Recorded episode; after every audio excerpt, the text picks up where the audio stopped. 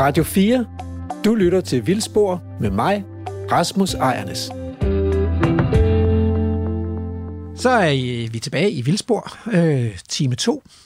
Øh, og i dag der handler det om, hvad man selv kan gøre for at få mere natur. Og her i studiet har jeg besøg af Philip Hane Petersen, som øh, har stået fader øh, sammen med Rasmus og Lise til øh, Vild med Vilje bevægelsen. Og jeg kunne godt tænke mig lige her øh, først, før vi skal på feltreportage igen og spørge dig, Philip, gavner det overhovedet øh, på Danmarks natur og biodiversitet at lave sin, sin have lidt vildere? Det kommer an på, om vi får mange nok med på lejen. Det er jo skalaafhængigt, og man kan gøre meget på egen lille matrikel, men vi skal have mange matrikler med, for at det virkelig batter i det store billede. Altså, er det derfor, men skal man gøre det for at redde biodiversiteten, eller skal man gøre det for at redde sig selv? Først og fremmest skal du gøre det for din egen skyld. Okay. Fordi det er en fantastisk oplevelse at give den plads fra dig og opleve, hvad der indfinder sig, og lade nysgerrigheden udfolde sig og så videre. Øhm, og kunne vi så stå i en situation, hvor alle landets græsplæner pludselig var omlagt til blomsterrigt græsland, så har vi da helt sikkert øget fødegrundlaget og levegrundlaget for mange arter Ja, altså det, man kan jo faktisk se på de der udbredelseskort for sommerfugle, at der er sgu flere sommerfugle inde i byerne i dag, end der er ude på, i det dyrkede landbrugsland. Præcis. Øh, men, øh, men, men altså, hvis det virkelig skal batte noget, så skal vi have fat i de store nationalparker, altså de store vilde naturområder. Det skal de, men altså, vild med vilje er jo for eksempel mere end det at sætte et vild med vilje skilt i jorden. Og hvis de store nationalparker skal batte noget, så skal de også være mere end at sætte et nationalparkskilt i jorden. Det vil sige, at man skal virkelig tage det at give plads til naturen seriøst. Både når man har en have, man gerne vil gøre vild med vilje, og når man har en nationalpark, man gerne vil gøre vild med vilje.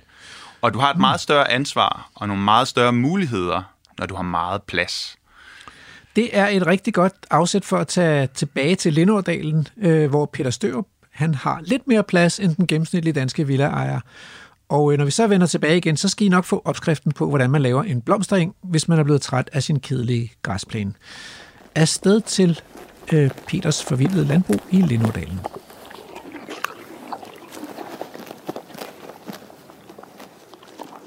Det er mig, der er Emil Skovgaard Brandtoft, og lige nu er du på rapportage med mig og Lærke Sofie Kleve.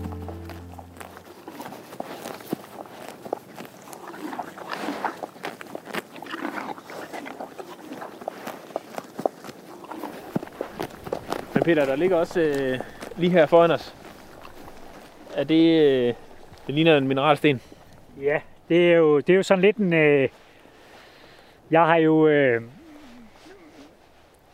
jeg har virkelig formidlet meget, rigtig meget det her med ikke at skulle tilskudsfodre, og, og, og, og det, at man, øh, det, at det kan lade sig gøre, synes jeg måske godt, at jeg i en vis udstrækning kan tage lidt, øh, lidt af æren for, at, at flere og flere er begyndt at få øjnene op for, at det fungerer rigtig fint. Men vi er stadigvæk lidt usikre på, om, om de kan klare sig helt uden, øh, helt uden mineraler. I lange perioder, faktisk flere år, har vi undladt at give dem mineraler. Men da heste er sådan forholdsvis dyre, og vi jo selvfølgelig ønsker, at de skal have det godt, så giver vi dem mineralsten i, i perioder. Og særligt lige i øjeblikket, hvor, hvor hoppen den er drægtig. Følget, det, det diger faktisk øh, stadigvæk øh, øh, ved følget, eller ved, ved hoppen, øh, der, har, der har et følge i maven, jamen, så har de fået en, en mineralsten at, at, at kunne slikke af. Og jeg vil sådan, det bedste vil være at undgå at have mineralstenen, fordi der er slet ingen tvivl om, at når man ikke giver dem mineraler, så er de nødt til at finde dem selv. Og det betyder, at de vil gå meget hårdere til bark og, og anden vegetation, hvor de kan finde de mineraler, de naturligt har brug for. Øh, og at man måske endda så vil få en, eller ikke måske, der er ikke et sekund i tvivl om, at man vil få en langt større effekt øh, og en naturlig effekt fra, fra dyrenes side, end når de kan finde de mineraler, de, de har brug for ved at, ved at slikke på en, på en sten. Ja, men det er jo, øh, det er jo også vigtigt, at følget i maven bliver, som det skal, og at der er mad nok, og at de, at de trives. Altså, det er jo, som du siger, så, så er det jo ikke, så er det jo ikke gratis at anskaffe sig en hest. Nej, det, det er også, og de, de, altså, øh, det gør jo ikke noget, at de bliver slanke og tynde, og, og, og, men, men det er selvfølgelig klart, at når vi har dem under nogle forhold her, hvor de er begrænset på et forholdsvis lille areal, jamen, så har vi også et, et ansvar for at, at, at sikre, at de har det, at de har det godt, og, og, og det har de. De, de store trives, og, øh, og at jeg så må gå lidt på kompromis med, med ambitionen om at gå øh, øh, gøre det helt, øh, helt vildt og give dem en mineralsten i, i ny og næ, det, øh, det går nok også.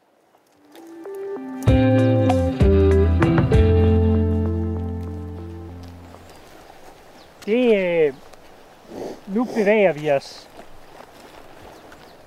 fra den mere lysåbne del, hvor træerne har fået lov til at komme op af sig selv, øh, og ja, der er mange græsser og, og, og arter knyttet til, til det, til, øh, til den plantede del af skoven. Og det vi går på nu, her, det er et spor, der fører ind i skoven. Og det er ikke et spor, vi har lavet. Det er et spor, hestene har lavet. Og det interessante ved det, det er også, at øh, det er ved, at, at der er heste på, på arealet her, jamen, så skabes der faktisk et, et, et stisystem øh, rundt, øh, rundt i skoven, som, som jo gør, at den bliver tilgængelig på, på en anden måde. Og der skal, opstår også en masse variation. Og på selve sporet, vi går, der er sandet helt blotlagt. Og de har faktisk øh, sådan gravet en, en, ved at de har gået her meget, har de gravet en, en fordybning, øh, en fordybning ned i det.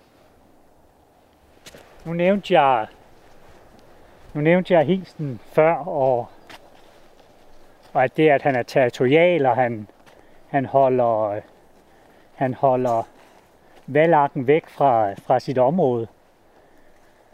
Og det gør han blandt andet ved at vise, at det er ham, der bestemmer, så laver han hængstedynger. Og det her, det er faktisk en, øh, det er faktisk en, en lille dynge. Og når han gør det, så det betyder jo rent øh, sådan konkret, at der ligger jo en dynge, der er en øh, af hestemøg, hestelort, der er en lille elefant værdig. Øh, og hver gang han kommer forbi, så smider han øh, øh, nogle klatter oven i den, så den bliver større og større. Og det betyder, at når der så kommer hængste udefra, eller, eller andre hængste generelt, jamen så øh, bliver de klar over, at det her det er altså et område, hvor der er en hængst, og de bør gå den anden vej.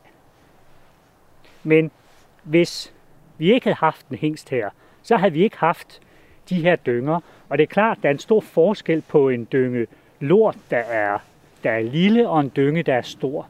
Øhm, om vinteren så er den del, der er frostfri, jamen den vil jo, det vil jo være frostfri længere tid, fordi der er længere ind til, til midten af den. Og, øh, og så er der bare en, en masse, masse af møgbillerne og andet, der, øh, der har glæde af en, en, af, ja, en stor dynge. Se om der er noget hernede i, hvis man sådan lige roder rundt.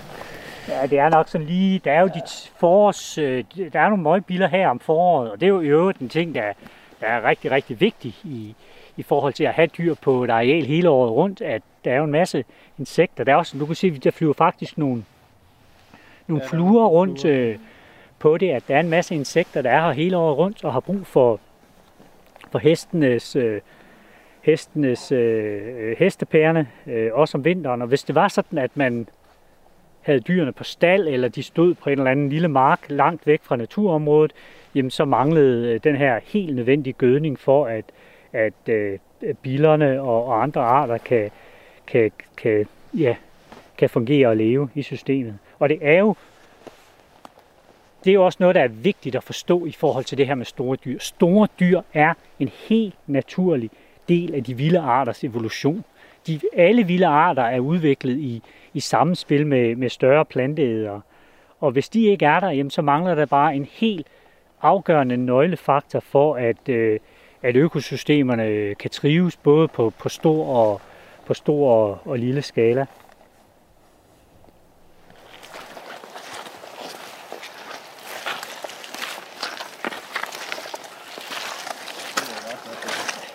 Det her, det her det er simpelthen opstået, fordi, fordi den, den valgarten er begyndt at opholde sig rigtig meget i det her område, fordi det, det er det, han er, han er blevet øh, presset tilbage til. Og det har også lysnet lysnet meget op på det. Ja, det er, det er, det er jo naturmæssigt er det jo super fedt, fordi det skaber den her, den her variation, at vi pludselig er i et område med ler, og, øh, og i forhold til orkideer, der er læret jord og med jord med, med kalk i, øh, giver jo mulighed for, at nogle af de rigtig sjældne orkidearter kan trives. Så hvis jeg er rigtig, rigtig heldig, så står den lige pludselig og blomstrer her. Den her sjældne orkidé. Og så, øh, ja, det vil bare være fedt.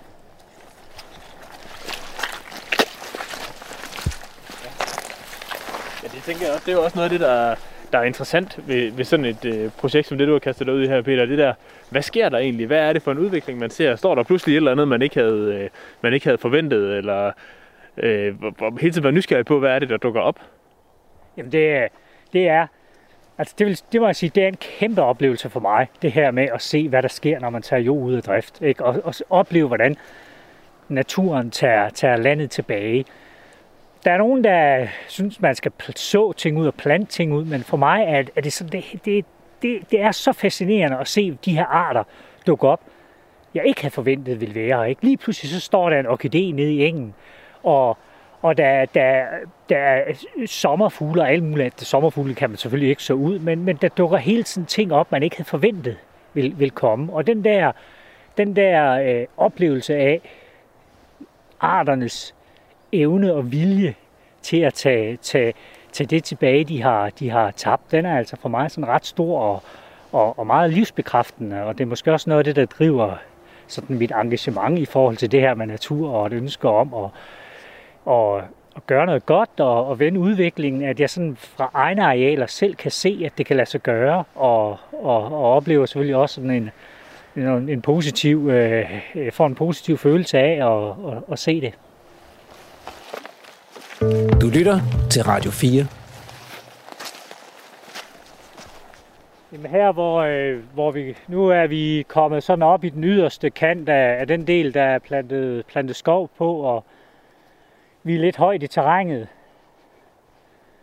Normalt, hvis der ikke var plantet træer her, så ville man faktisk have en ret flot, øh, flot udsigt ud over, ud over ådalen og ud over landskabet.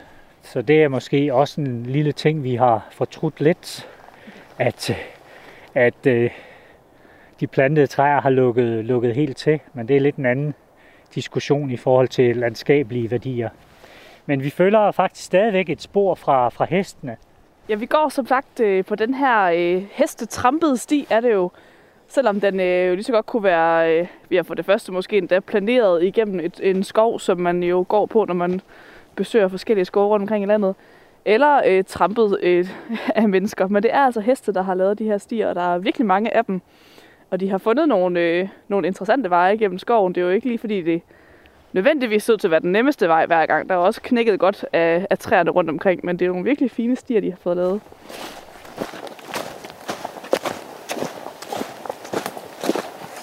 Og vi, vi er også nødt til lige at gå ind til venstre herhen. Fordi det er faktisk det er rigtig interessant det her. Fordi her, det her vi, vi, vi, er, vi bevæger os stadigvæk på, på et hestespor, der her forgrener sig til højre. Til højre der har vi øh, en, øh, en nobelis plantage, hvor der er klippet pyntegrønt. Det ene spor, det går den vej, og det andet spor, det går, går til venstre ind i, øh, ind i skovrejsningsområdet. Det, der er rigtig interessant ved, ved det her område, det er, at vi står ved et område, der, der er lysåbent. Og der er, der er spredte træer, og der er lidt busker og andet. Men det er, at skovrejsningen slog fejl i det her område. Det var simpelthen det var så sandet, at øh, da træerne blev, var blevet sat, jamen der begyndte at opstå der, der sandfyning her, og mange af træerne blev dækket til og, og gik ud. Men naturmæssigt, der er det her ubetinget det mest artsrige område i hele skovrejsningens, øh, i hele skovrejsningsprojektet. Og det er jo lidt paradoxalt, at her hvor det går galt, det vi gør i forhold til at plante træer, jamen der er det aller, allermest artsrig. Det er, det er jo også faktisk det, øh, den del af, af det, vi har gået rundt på i dag, som ligner mest de der naturlige overgange mellem skov og lysåben, hvor man får de der øh, gradvise krat af det der skovbryn der, som, som er så artrigt. Og det ligner det her jo faktisk øh, fuldstændig, når man kan se, det stille og roligt tynder ud i træerne, ikke? og så bliver det åbent, så står der sådan spredte buske, og så kommer skoven igen på den anden side af den her lysning. Det øh, er meget pædagogisk. ja, det er, det er fantastisk, hvordan naturen sådan fuldstændig af sig selv har vist, hvordan det skal gøres. Ikke? Og, øh, og hestene går jo også øh, på det her areal, og noget af det, der også er interessant og en erfaring, det er, at man kunne godt tænke, at fordi der er så mange træer her, der er jo mange, mange, mange, mange, mange, mange flere træer, end hestene nogensinde kan nå at spise ned. Så vil man ikke kunne se en effekt fra hestene på de lysåbne dele. Men de græsser rigtig, rigtig meget på den lysåbne del, og fra den lysåbne del ind i skoven. Og det vil sige, at, at på den her del, vi nu rigtig gerne vil fastholde som lysåben, jamen der gør hestene lige præcis det, vi gerne vil have dem til at gøre. De spiser af træer og buske, sådan at alle de her arter, der har brug for, for, for lys og varme fra, fra solen, de, de stadigvæk trives. Så, øh, så den her kombination med, at, at skoven slog fejl, og, og vi satte nogle, nogle heste herind, den har vist sig, sig at være, være rigtig, rigtig god. Noget af det, som også er som også er befriende ved sådan et område som det her, det er den der mangel på kontrol. Her er faktisk ikke nogen, der har forsøgt på at putte noget i en kasse og definere, hvad det skal være. Og, og det, er, det er sådan efterhånden fundet ud af, at de steder, hvor jeg synes, det er allerfedest at være ude i naturen, det er de der steder, hvor det får lov til at udvikle sig selv og, og være dynamisk. Og det kan godt være, hvis man kommer om 10 år, så ser det her anderledes ud, end det gør i dag. Det gør det formentlig. Øh, det kan være, at de lysåbne områder er flyttet et andet sted hen, eller det er bare blevet lidt tættere skov, eller hvad ved jeg. Øhm, men den der uforudsigelighed og mangel på, på kontrol, det synes jeg er meget tiltalende, når man bevæger sig rundt i naturen. Jamen, det er, det er vildt fascinerende, når man får den her følelse af at være en, være en del af noget større, ikke? Og, og, og særligt når, når, ja, når der ikke sådan umiddelbart er spor af menneskelig indgriben. Det er mig, der er Lærke Sofie Gleup, og lige nu er du på reportage med mig og Emil Skovgaard Brandtoft. Vi har bevæget os over fra, fra skovrejsningsområdet ind i, øh, i en pyntegrøn plantage, der har der er faktisk rigtig fint pyntegrønt så stadigvæk, men vi klipper ikke på det mere, og det får sådan set bare lov til at gå sig i, i sig selv. Træerne får lov til at vælte. Øhm, og det interessante ved det her er også, at øh, i det her område, der går hestene også. For os er det ikke en hindring, at, at det egentlig har en produktionsformål, eller har haft det. Det er lige så fint øh, at, at have en sådan nogle arealer med, og, og give hestene adgang til det. Og sjovt nok, vi var inde på, øh, vi snakkede om, om valakken før, og at den var presset øh, væk af hængsten til ud til nogle yderområder. Og sådan, ja, 100 meter herfra, 100 meter herfra, der kan vi se, at den står nede i, øh, i, øh, på, på et spor. Så lidt, lidt ligesom den der oplevelse, når man ser et rådyr, der pludselig dukker op. Og den er også, står også helt uanfægtet af, at vi er her. Meget fin. Altså, han ser jo næsten ud, som om han hører hjemme derinde i... Øh, øh, det er næsten som om, han er sådan lige er lidt... Selvom det er en grå dag, så er der alligevel som om, der er sådan en lille, måske en lille øh, lysning derinde, eller et eller andet, hvor han står i, og det er, han ser simpelthen ud, som om han bare står der og hygger sig. Det er jo det. Det er jo det, og det, er også, det bliver jo så naturligt at se de her heste i, i skoven, når man har, øh, når man har oplevet det, det nogle gange. Og øh, jeg synes, vi skal prøve at gå, gå ned til ham. I øvrigt så er det lidt interessant, fordi der er en kæmpe hængstedynge her, eller sådan en helt vold, hængsten har lavet. Øh, og jeg ved ikke, hvorfor han har lavet det. er sådan en halvmåne. Jeg ved ikke, hvorfor han lige har valgt at, at, at, at fordele det på den måde, men det har han altså gjort her. Og, og valakken står på, på, den anden, på den anden side i, i god afstand. Det er næsten lige før han sådan helt symbolsk har sagt, her tæller ikke længere ja. med den der øh, store dynge.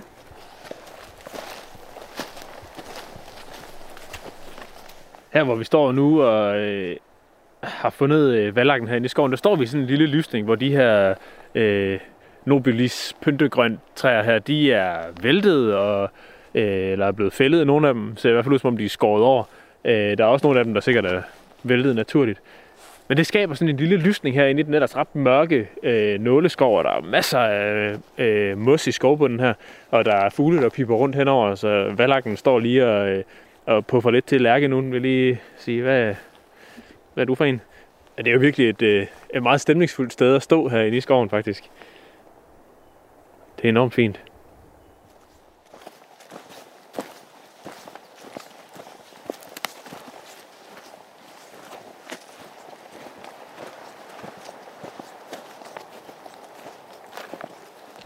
Nu er vi, øh, vi er kommet ud af, af Nobelis øh, Hønnegrønsplantagen og øh, står på et, øh, et lidt ældre overdrev, der blev taget ud. Det, vi er stadigvæk en del af det samlede naturareal. Det her blev taget ud af drift for, for 40 år siden og har faktisk udviklet sig til et, et rigtig, rigtig fint overdrev. Og igen, noget af det heldige her, det var, at da min far han plantede øh, plantager, og der gik det galt.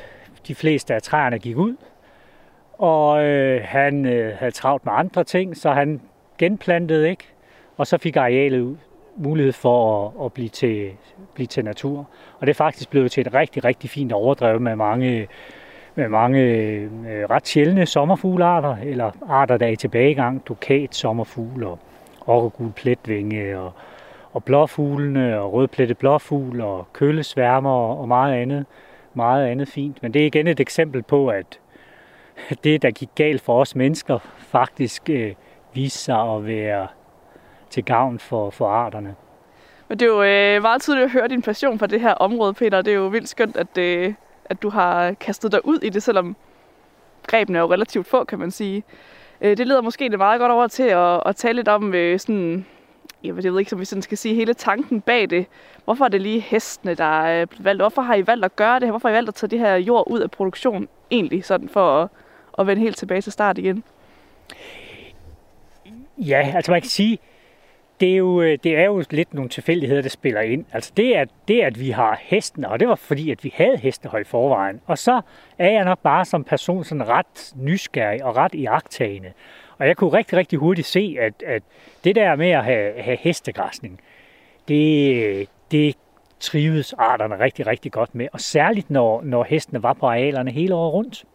Fordi det, der jo sker, det er, øh, at hvis der skal være føde nok på arealet, og der skal jeg måske lige springe lidt tilbage, fordi for 17 år siden, 15-17 år siden, der fodrede vi jo hestene ind til en, en vinter, hvor jeg og min far havde købt et kæmpe palle med, med foder, og vi skulle dele som udgiften til det. Og jeg synes, ah, det var måske nok, øh, jeg synes, det var begyndt at blive lidt dyrt, hvor jeg så spurgte, om, om vi ikke kunne prøve at lade være med at fodre dem. Øh, og han, ah, ah, det troede han nu ikke gik. Men vi gav faktisk de der heste en kold tyrker, og lå være med at fodre dem. Og der var intet, der ændrede sig i forhold til deres stand og hul, altså om, og hvor, hvor fede de var. De kunne fint selv finde føden. Det næste, der så skete i nogle, nogle år efter, det var jo, at jeg kunne se, at, at vi havde en rigtig, rigtig rig blomstring om sommeren. Og det var jo ikke svært at lægge to og to sammen, fordi hvis der skulle være føde nok på arealerne til, at vi ikke skulle fodre de her heste, så betød det jo, at der skulle efterlades mad fra sommeren af. Og efterladt mad, det var lige med efterladt blomster, der, der, eller planter, der blomstrede hele vejen, øh, hele vejen igennem gennem sommeren. Og det begyndte jeg jo så at formidle lidt ud, og, øh, og fik jo positiv respons tilbage på det. Og, og ja, og sådan, øh, sådan kom, øh, kom den del i gang, i hvert fald i forhold til at formidle den her måde at, at, at gribe, gribe det an på. Det kan man sige. Du, du var nok en af de første, der sådan startede med at fortælle den der historie om, at hvis man lader hestene leve på arealet hele året af det, der er der, så sker der noget rigtig fedt om sommeren. Så kommer blomsterne væltende op, fordi hvis der skal være mad nok til, øh, til et antal heste i marts måned, når, der, når det er et halvt år siden, der sidst har været vækst, ikke? så betyder det bare, at de samme dyr, de kan ikke følge med hele sommeren, vel? Så, så alt det der øh, øh plantemateriale, der bliver produceret, det kan de ikke nå at spise i løbet af sommeren, så derfor så vælter det op med blomster, som ikke bliver spist, øh, før det så bliver vinter. Og, og det er jo så de øh, blomster, som alle insekterne lever af, og det, er jo, det, det har jo været med til at, at sparke døren mange steder. Øh, det, at du kunne vise, det skete herude, og så begyndte andre folk at gøre det rundt omkring. Ikke? Og nu, øh, nu øh, kan man nærmest ikke deltage i en, øh, i en naturforvaltningsdebat, uden folk de siger helårsgræssende heste, uden tilskudsfodring, øh, som sådan et øh, mantra, der bare skal være der. Øh, og det er, jo, øh, det er jo virkelig fedt at, at se den udvikling, og, og se, at det virker. Ja, og det er jo det, det drejer sig om. Det drejer sig om at gøre noget, der kan, der kan gøre en forskel for arterne. Og man kan sige, hvis, man sådan, hvis jeg skal komme med, med tre gode råd i forhold til at gøre øh, noget, der minder om det her, så er det, det er altid godt at tage jord ud af drift. Fordi jord ud af drift, det giver plads til nye levesteder. Det næste, man så skal tænke over, når man tager jord ud af drift, det er, hvor tager man jorden ud af drift. Og der er det rigtig, rigtig vigtigt at tage afsæt i eksisterende levesteder. Hvis man har et paragraf 3-areal, det vil sige et naturbeskyttet areal, eller, eller, eller en, en skov eller andet, jamen så er det der, man starter. Og hvis man ved noget om, hvor ens sjældne arter lever, jamen så prioriterer man selvfølgelig fra den ende af. Det er vigtigt at tage, tage øh, et, et stykke øh, jord ud af drift op til et, et, et levested, et levested for en sjælden rødlistet art. Den næste fordel ved at tage jord ud af drift, det er, at man ofte kan skabe en lettere forvaltning af arealet. Og jeg helt bevidst så bruger jeg ikke ordet naturpleje, fordi jeg synes, at vi mennesker skal egentlig ikke pleje naturen. Det er mere et spørgsmål om, at vi skaber rammerne for, at arterne kan trives. Øh, Øh, men ved at få taget noget jord ud af drift, der kan ligge mellem eksisterende naturområder, så vil det ofte være muligt at, få hegnet større arealer med, og så snart man kommer op over 5, 6, 7, 8 hektar, så er det faktisk muligt at, at have heste eller, eller robuste kvægraser, øh, uden at skal tilskudsfodre dem. Det er selvfølgelig lidt individuelt, hvor, hvor meget vækst der er, og hvor meget føde der er, men det er sådan et, et pejlemærke. Et, et pejlemærke for mig, den ligger, at hvis det er halv lysåbent og halv skov, jamen så er det cirka et dyr af islænder hestestørrelsen per, per hektar, der skal til. Og nogle gange så viser det sig bare, at øh, dyrene øh, kan, kan trives med meget mindre. Og, men det er sådan lidt individuelt. Det er også noget, man, man skal have lidt fornemmelse af. Det er altid godt at starte ud med lidt færre dyr, og så give dem mulighed for at, for at, øh, for at vise, hvad de kan. Og det er nogle sindssygt gode pointer, fordi kan man jo håbe, at øh, lytterne derude de bliver totalt inspireret til at skrive ud og omlægge deres jord til, til natur. Men det, der er ligesom en, en, en startspakke, der, der ligesom skal være der på en eller anden måde. Det er godt at have noget, noget natur på forhånd, eller i hvert fald noget i nærheden, hvor, hvor arterne kan sprede sig fra. Det, hvis du har et lille stykke jord midt på en pløjemark, så, så er der lidt længere vej til, til den gode natur, end hvis du har øh, de gode kilder i nærheden, kan man sige. Ja, det, det er helt rigtigt. Og man kan, hvis man sådan lige skal rise øh, nogle af fordelene op, for det er klart, at det, det, det, det vigtigste, det aller, aller vigtigste, det er jo at gøre noget for den eksisterende natur, ikke? fordi det der arterne allerede er. Men det her med at tage jord ud af drift, det har ofte den positive effekt, at man flytter belastning af eksisterende natur længere væk fra kerne arternes kerneområde, og man så får skabt øh, plads til nye levesteder og andet. Der er nemlig brug for de her suk- successioner. Og som jeg også var inde på før, så betyder det også, at man kan skabe den her forvaltning, der, der både gavner den eksisterende natur og det areal, der er taget ud af drift, fordi der bliver lidt mere plads til at, til at, til at gøre det rigtige. Det synes jeg øh, er en opfordring, vi vil give videre til, øh, til lytterne, Peter. Og så så tror jeg bare, vi skal sige tak for, at du ville vise os øh, det her fantastisk spændende område. Det var super fedt at se det igen, og vi kommer jo gerne igen, når det hele blomstrer. Det, øh, sådan, selvom det er lidt gråt i dag, så, så er det jo bare federe om sommeren. Jeg synes, I skal, komme og vise lytterne, hvordan det kan se ud, når, når det hele det topper her, der, her til sommer. Ikke? Du lytter til Vildspor med mig, Rasmus Ejernes. Baltiske løveenge sådan nogle øh, enge, der bliver slået hø på, og hvor der står spredte solitære træer og buske øh, i Estland for eksempel, det er faktisk verdens artsrigeste plantesamfund, eller tæt på. Øh, det er der lavet målinger af. Øh, og det morsomme er, at den, det model, plantesamfund, det modeløkosystem, det er som skabt til Villahaven. For Villahaven er jo nemlig sådan et lysåbent areal, hvor der er hegn af blomstrende buske rundt om, og enkelte solitære løvtræer, som beskæres, så der hele tiden kommer lys ned til urterne i haven. Det kunne godt have været opskriften på en ekstremt artsrig blomstring, men er jo for det meste bare opskriften på en meget artsfattig græsplæne. Hvis man nu gerne vil lave sin græsplæne om til blomstring, hvad gør man så? så skal man have græsset af. Fordi man kan ikke give sig til at så frø i sådan en græsplæne, fordi de kommer ikke til at spire og etablere sig. Når man så har fået græsset af, så, øh, så skal man have fundet nogle planter, der kan genindvandre. Øh, og øh, hvis ikke man har en sommerhushave, der ligger i et øh, artsrigt øh, naturligt øh, miljø fuldt med vilde danske planter, så bliver man nødt til at komme ud og hente en øh, frøblanding. Og der skal man se sig for, for der er rigtig mange blandinger, øh, der hedder noget med blomstereng og sommerblomster og sådan noget, som ikke indeholder vilde danske plantearter. Men der findes også øh, blomsterblandinger og frøblandinger derude med vilde danske plantearter. Og så sår man dem i i, øh, i stedet for det der græs, som man har fjernet. Græstørven kan man jo lægge op i en vold, så vil der være insekter, der kan flytte ind i den og, øh, og, og lave bo i volden af gamle græstørv. Øh, når man så øh, har fået de her planter til at spire, så, øh, så skal man drive det på den måde, at man slår, øh, slår det så lidt som muligt i sommerhalvåret, og til gengæld slår det i vinterhalvåret, når insekterne er gået i dvale.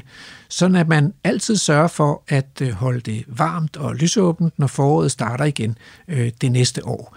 Øh, til gengæld så skal man give plads til, at planterne kan komme op og blomstre om sommeren. Så skal man selvfølgelig også selv kunne være der, og derfor kan man jo slå nogle baner i det, og øh, nogle små sædepladser, øh, hvis man øh, synes, at det er ved at tage magten fra en.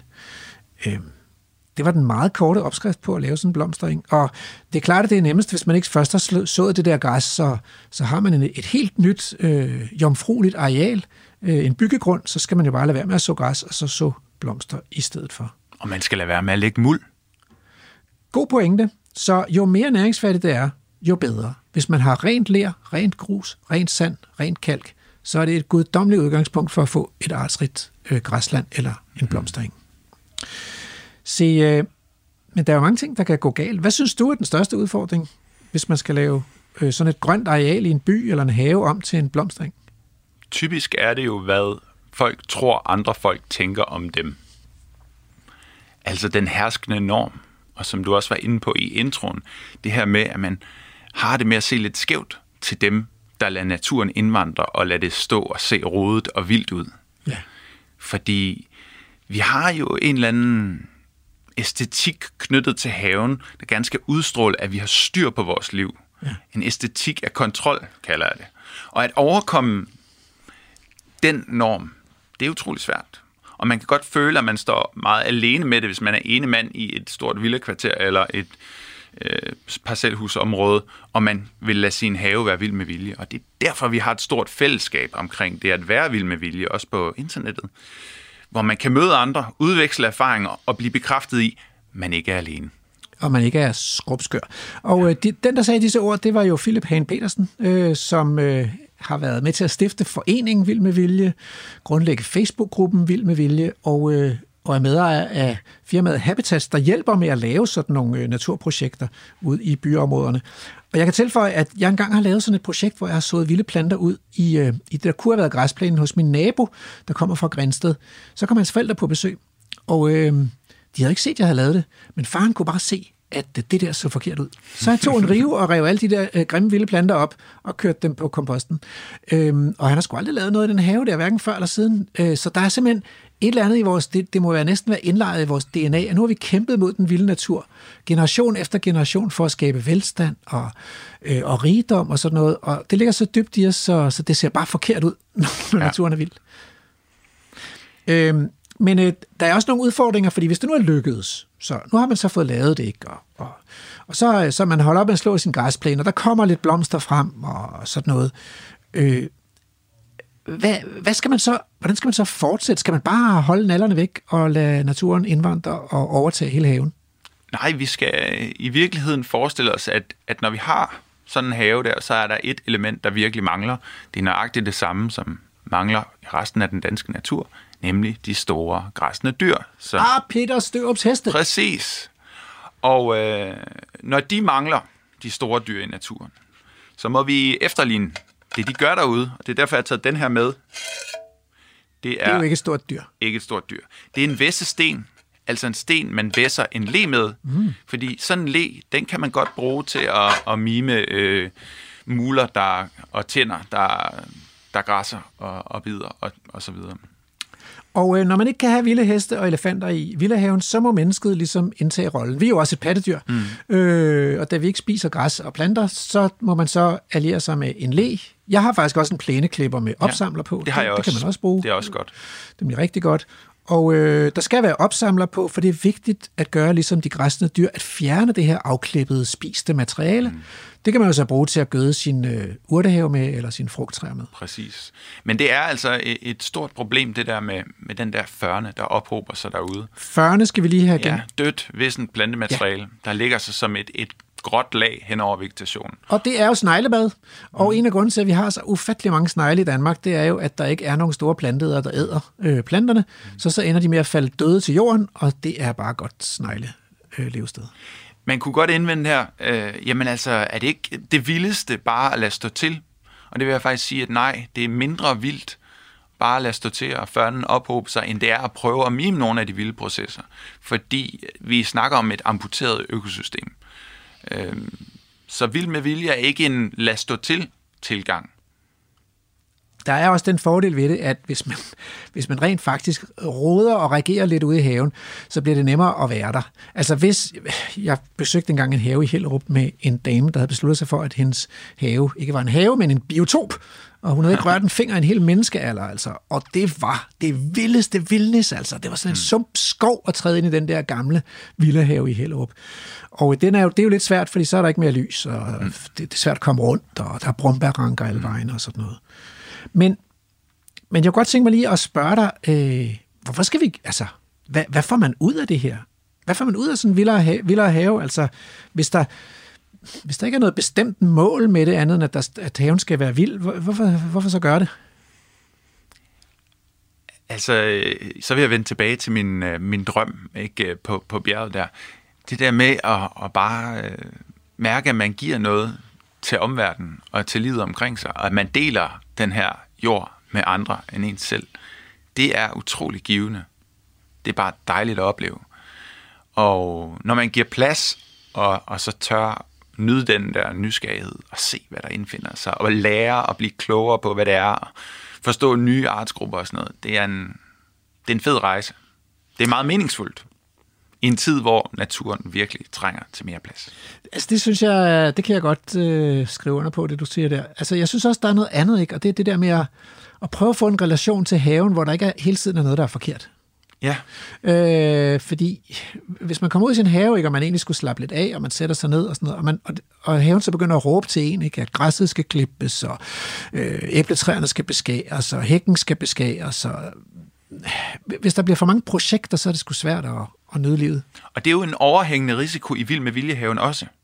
Ja, hvis man gør den til et projekt. Nemlig, altså det er, det er meget nemt at komme der til. Vi har lige snakket om, hvordan vi skal mime de der græsne dyr og sådan noget. Det skal man så gøre helt rigtigt og slå på det helt rigtige tidspunkt, fordi ellers så slår jeg så også mange insektlarver ihjel. Hvis man når dertil, så skal man lige tage en dyb indånding og huske på, at sådan tænker hestene heller ikke, når de går rundt og knæver. De gør det bare. Præcis. Øh, sig mig, så, så kommer spørgsmålet, er vi mennesker egentlig natur, eller står vi uden for naturen? Selvfølgelig er vi natur.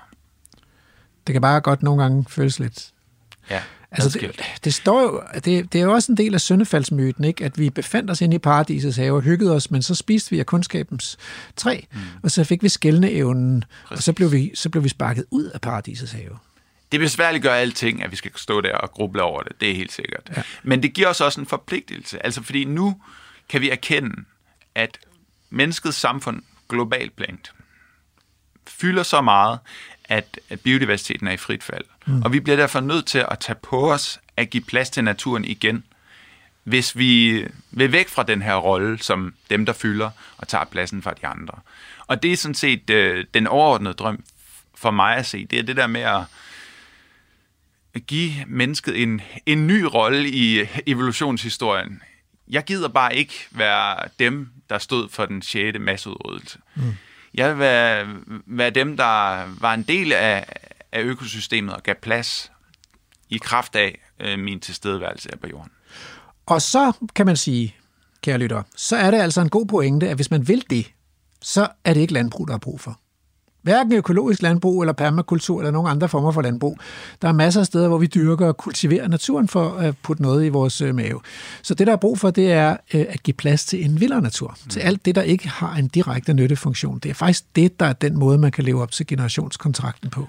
Det er det helt sikkert, men jeg vil dog tilføje dertil, at hvis vi skal give plads fra os, så bliver vi også nødt til at se på, hvad vi fylder pladsen op med andre steder, end der, hvor ah. der er natur. Så vi skal være en lille smule effektive og, øh, mm. og have en bestræbelse, og den må godt være målrettet. Mm. En bestræbelse på at fylde mindre. Ja, Fordi ellers så kan vi ikke give den der plads fra os. og en af de væsentligste ting, man kan overveje, hvis man gerne vil have et mindre pladsaftryk på kloden her, det er at sænke sit forbrug af animalske produkter, fordi moderne dyrehold fylder rigtig meget, kræver rigtig meget plads til mange afgrøder, både i Danmark og i troperne, øh, i nogle af vores allermest artrige økosystemer, der ryger på den konto. Så skal man bare ikke blive alt for moralsk. For, Nej, der, nej. må, for der må nemlig godt være nogle dyr. Det, vi skal bare skifte tamdyrene ud med vilde dyr. Det ville være dejligt i hvert fald. Flere af de der vilde Vi har heste næsten og, ikke nogen vilde dyr tilbage. i hele verden, faktisk. I 2019, der kom der en sortåret hvidvinge flyvende til Hjortshøj, ind wow. i vores bebyggelse, der hvor jeg bor. Og det er medført, for det har vi en aftale øh, mellem naboerne, at vi åbner en flaske champagne. Så hvis vi får en ny øh, sjælden sommerfugl i bebyggelsen, så er det champagne øh, årsag. Så vi drak simpelthen champagne. Den lever jo, den slaver lever på øh, hvidtjørn. Så det var simpelthen øh, en fest. Og det er det, det skal være. Det skal være en fest at give naturen plads omkring sig. Og vi skal øh, tilbage til en positiv fortælling om, om naturen. Om, at den kan blive meget rigere og vildere omkring os i fremtiden, hvis vi tør give plads. Øh, mange tak, Philip. Øh, og øh, ikke kun for, at du er kommet her i studiet, men også for, at du har stiftet den her bevægelse Vild med Vilje. Jeg, øh, jeg har meldt mig ind i den, og øh, jeg, kære lytter, overvej det, google det, søg det, og, øh, og gå med i den her bevægelse. Det er på vej til at blive ret stort, og det er vildt spændende. Radio 4 taler med Danmark. Så er vi nået til ugens tråd, og i dag starter den fra Twitter. Det er et tweet fra 24. januar, og det er Morten D.D. Hansen, ham har vi, han er jo en ven af programmet her, øh, som skriver, Cambridge kan på deres ikoniske campus. Gæt, hvor man ikke kan.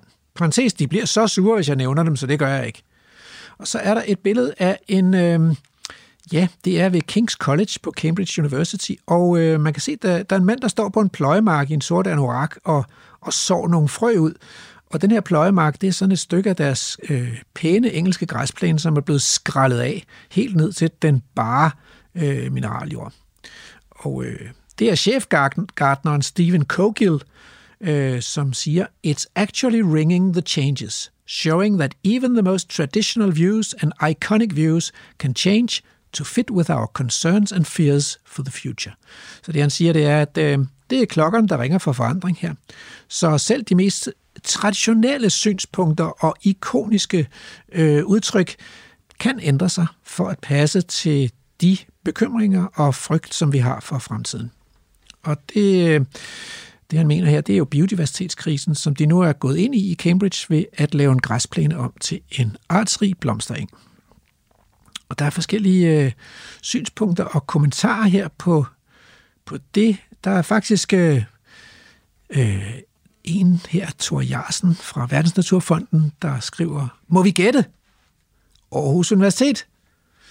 Og Morten D.D. skriver, hvad i alverden får dig til at tro det? Og så en stor grinende smiley. Og øh, jeg har søgt øh, lidt på sagen her og fundet nogle artikler fra Omnibus Universitetsavisen. Den ene hedder, Hallo, hvad med den blomstereng i Universitetsparken? Og det er lektor i botanik Anders Barfod, øh, der spurgte om lov til at lave en blomstereng. Artiklen er fra 2018, og han venter stadig på svar et år efter, han har spurgt. Men håbet er endnu ikke helt visnet. Og så sker der noget her i 2019 med en ny artikel fra Omnibus, øh, hvor der står, Vildskaben sniger sig ind i Uniparken. Håbet om mere vild natur i Universitetsparken spiger blandt AU-biologer. Nu har det fået næring af en lille engstribe med vilde blomster. Men biologerne vil have mere. Ak, disse umættelige biologer. Øhm, og problemet, kan man læse her, det er jo, at den arkitekt, som har stået for anlægget her i campus, har skrevet C.F. Møller, Udover de buske, som beskytter fortorvets grænter og pladser, bør der af bevoksning, hvor de nævnte hensyn ikke er til stede, kun forekomme egetræer. Prydbuske, blomster, bede, løg i planerne og lignende er udelukket, og sivene ved søbredderne bør begrænses. Men ideen om, at man ikke kan fravige den her gamle plan, synes Anders Barfod er ude af trit med virkeligheden. Jeg tror, jeg bliver nødt til ligesom at, at finde nogen, jeg kan ringe til for at blive lidt klogere her. Og, øh, og det ser ud til, at ham, der er ansvarlig for driften af parken, hedder Peter Bachmann Vestergaard, og han er teknisk chef. Så lad os se, om jeg kan finde et nummer på ham. Peter Bachmann Vestergaard, teknisk chef på BSS Aarhus Universitet. Og, øh, og det er Rasmus Ejnes her fra programmet Vildspor. Øh, jeg øh, vil jo gerne spørge dig lidt ind til de her øh, græsplaner på campus i øh, mellem universitetets bygninger. Øh, og anledningen er, at øh, nu har Cambridge University omkring King's College udlagt en del af den der historiske universitetspark til blomstereng, ved at de simpelthen har skrællet græstørven af, og så har de sået nogle vilde blomster. Kunne man ikke gøre det samme med græsplænerne på campus i Aarhus? Det kunne man uh, formentlig godt. Vi er, vi, vi er bekendt med projektet uh, derovre uh, og har, har hørt en erfaringer fra det. Uh, der er bare nogle begrænsninger i forhold til den campus, vi har i Aarhus, hvor at det ikke er, er muligt at, at skrælle den eksisterende græs af, og så, så lægge et, et, en blomstring ud. Det er vores park simpelthen ikke designet til, og det, der ligger også en uh, fredningsplan for parken, der gør, at man ikke umiddelbart kan, kan gøre sådan noget der. Så, så hvad er det, som man kan, er bange for at hvad kan man sige, ødelægge eller øh, forstyrre ved at lave blomstring i stedet for græsplæner? Aarhus Universitetspark er, er jo øh, en del af et det er jo en del af den øh, installation, som Aarhus Universitet hviler på. Og det betyder, at øh, i forbindelse med, at man etablerer parken, og man begynder at etablere øh, bygninger på Aarhus Universitet, der lagde man også en øh, plan for, hvordan øh, parken skulle indrette sig, og hvilke type planter, der skulle være der. Øh, Aarhus Universitets øh, park er baseret på det, vi kalder en øh, monokultur. Det vil sige, at det er, øh, en bestemt græsfrøsblanding, som den hviler på. Og så har man, øh, så har man øh, en, øh, en ganske få træsorter inde i parken. Det er især E, og det er jo faktisk blevet nogle ganske, efterhånden blevet nogle ganske smukke egetræer, der står i den, i den gamle park, ikke? og så er, der, så er der nogle spredte søer inde i parken også, og så er der de her græsplæner, som jo ikke er flade, kedelige plæner, men som der er jo sådan lidt, lidt terrænvariation, nogle bløde bakker og sådan noget. Ja. Øhm, men er det ikke også rigtigt forstået, ikke, at, at biologerne på universitetet, de vil jo gerne have græsset skiftet ud med nogle flere vilde blomster, men, men arkitekterne, de er ikke meget for det, eller altså af æstetiske årsager, eller er det helt galt forstået? Det er sådan set, det er jo det er fuldstændig, fuldstændig rigtigt, øh, og og vi vil ikke, øh, vi vil ikke, vi vil ikke man kan sige, der, der er en udvikling i specielt blandt biologerne øh, på, at man, man gerne vil have mere biodiversitet ja. øh, i, i de grønne områder. Ja. Og øh, i, på, på Aarhus Universitet, der har vi øh, i selve parkanlægget, der har vi, øh, der har vi taget tre område, og så ud, udlagt til biodiversitet Aha. områder. Så det er sådan det set, om... det har snedet sig lidt ind? Ja, det har snedet sig ind. Ja. Det første område, det er, det er en, en, øh, et område, som er bygget meget op omkring øh, undervisningsaktiviteterne på området, hvor man med meget øh, specifikke frøblandinger og øh, planter forsøge og, og så se, hvad det er, der sker, når at man lader naturen gå sin, sin egen gang. Ja. Det, har, det, det er etableret i et øh, bestemt forsøgsområde, og er dreven øh, af de studerende i samarbejde med de øh, professorer, som, som nu underviser på det her område. Ja, spændende. Så har vi så et, øh, så har vi udlagt et, øh, et øh, område til, øh, som øh, de studerende øh, i jord så skal forsøge og så skabe den samme biodiversitet i.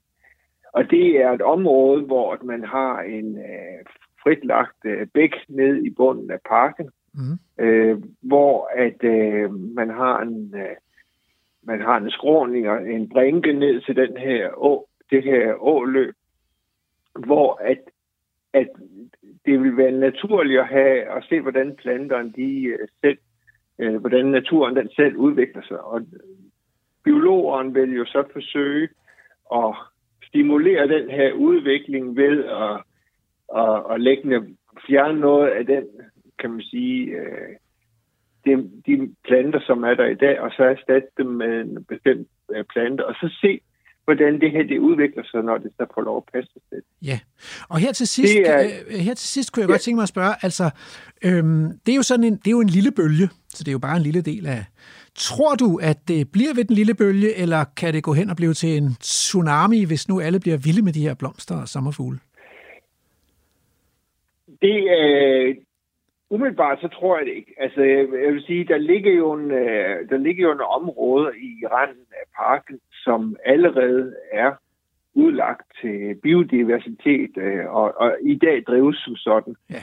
Øh, det, det forhold sammenholdt med, at vi har en park, som øh, er, er, er ønsket fredet, og det betyder, at man kan ikke gå ind og ændre på den, øh, hvad skal man sige, øh, beplantning og mm. øh, det plantevalg, som, som er i parken længere. Mm. Og så skal, så skal man jo også øh, huske på, at parken er jo til for alle. Mm. Altså, parken har jo et meget, meget høj, en meget, meget høj besøgsfrekvens. Ja. Fordi at der er nogen, der efterspørger den, kan man sige, den fagne, som parken nu er karakteriseret ved. Ja. De forskellige parker, der er i Aarhus by, øh, har jo hver deres karakteristika. Ja. Øh, og, derfor kan man sige, det karakteristika, som er unik for Universitetsparken, det synes jeg, det synes jeg man skal have lade lov at, at, at bestå. Og så skal, vi, så skal vi også respektere udviklingen, og så i en øh, område, så sige, der, der, der skal vi også være rummelige på, med hensyn til biodiversitet. Og derfor kan man sige, øh, har vi så også indrettet øh, de to nævnte områder plus et, et tredje område Ja. øh, til, øh, til at og så se, hvordan, hvordan fungerer det her biodiversitet i, i det her område. Øh, Øh, og så, øh, så er der noget for alle sammen. Men øh, jeg tror simpelthen, at øh, vi, er kommet, vi er kommet rundt om det, og øh, øh, jeg vil ønske held og lykke med denne balancegang, og sige, at vi på Vildspor her er glade for, at der er kommet nogle små lommer med biodiversitet også. Så tusind tak, Ja, velbekomme. og god dag. Tak, lige måde. Radio 4 taler med Danmark.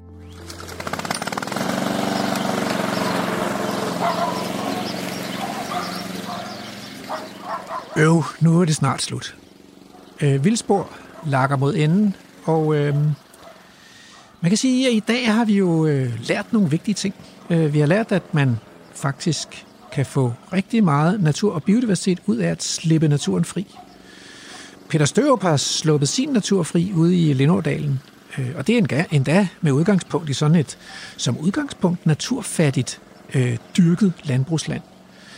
Øh, han ærger sig endda lidt over, at han har plantet træer, fordi det viser sig at være helt unødvendigt at plante træer i Danmark. Træerne, de kommer af sig selv. Til gengæld glæder han sig over, at øh, han har fundet på at slippe heste fri, og at øh, han er blevet enig med sin far om at holde op med at fodre de her heste, sådan at de øh, i stedet for at stå og vente på at blive fodret hjemme ved stallen, så går rundt ude i naturen for at finde det mad, der nu er tilgængelig, også om vinteren. Og hestene skrives glimrende. Det har vi set ved selvsyn. Det var Lærker Emil, der var ude og, og besøge Peter Størup og se på hans naturværdier. Og det var så lækkert, at de nærmest lavede en aftale om at komme derud igen til sommer og se på orkideer og vilde sommerfugle. Og her i studiet har jeg haft besøg af Philip Hagen Petersen, som har været en af grundlæggerne af denne her bevægelse, der hedder Vild med Vilje.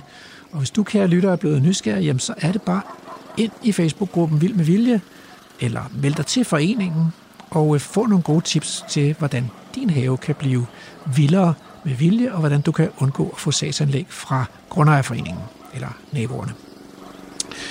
Øh, og så var vi jo ikke kommet igennem det her uden vores øh, eminente og overvågende producer, Andrew Davidson. Øh, vi rundede også lige af med at komme rundt til Campus Aarhus, hvor øh, der er en, øh, en bølgende kamp imellem vilde med vilje biologer og øh, arkitekter med æstetisk, historisk sans for græsplæner. Vi har fået flere haikuer i dagens øh, program. Et til at starte med.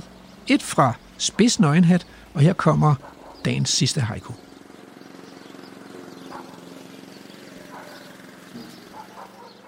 Klokkehumleblomst. Mark perlemor violer. Som baltisk løving.